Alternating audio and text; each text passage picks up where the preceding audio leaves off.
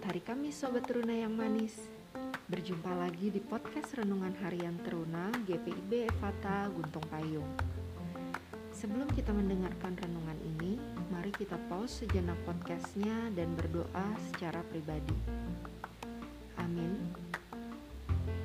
Sobat Teruna, siapa yang pernah berusaha hidup jujur dan benar namun justru mendapat sesuatu yang tidak enak? kakak kasih satu contoh ya yaitu saat Sobat Teruna mengerjakan ujian sendiri dan Sobat Teruna sudah meminta pertolongan Tuhan melalui doa lalu mengandalkan hafalan dan pemahaman Sobat Teruna terhadap materi dan menjawab sesuai kemampuan tanpa mencontek.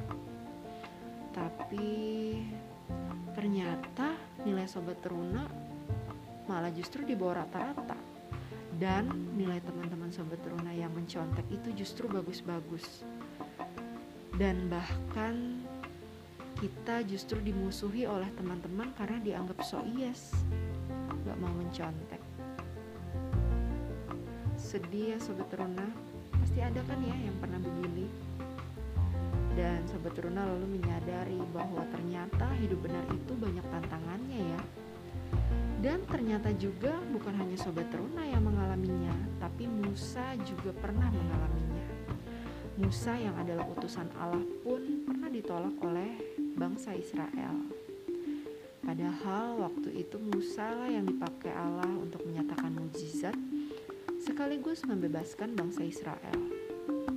Sobat teruna, melalui renungan kita hari ini yaitu dari kisah para rasul pasal 7 ayat 35 sampai dengan 36 Stefanus ingin mengingatkan kita bahwa penolakan akan hidup kudus seperti Yesus juga telah terjadi dari zaman nenek moyang bangsa Israel dulu bahwa menyatakan kehendak Allah tidak selalu mudah karena tidak selalu dapat diterima oleh semua orang bahkan kita dapat merasa kecewa capek untuk melakukan kebenaran dan menyerah melaksanakan kehendak Allah. Eits, jangan menyerah dulu ya sobat teruna, tetaplah melaksanakan kehendak Allah. Karena kebenaran yang kita lakukan atas kehendak Allah itu akan memberikan damai sejahtera untuk kehidupan kita sekarang dan selanjutnya. Lalu, kalau capek dan masih mau nyerah juga gimana? Sobat Teruna, datanglah kepada Allah melalui doa, mintalah kekuatan agar Allah dapat menyembuhkan kecewaan kita dan menumbuhkan semangat untuk setia melaksanakan kehendaknya.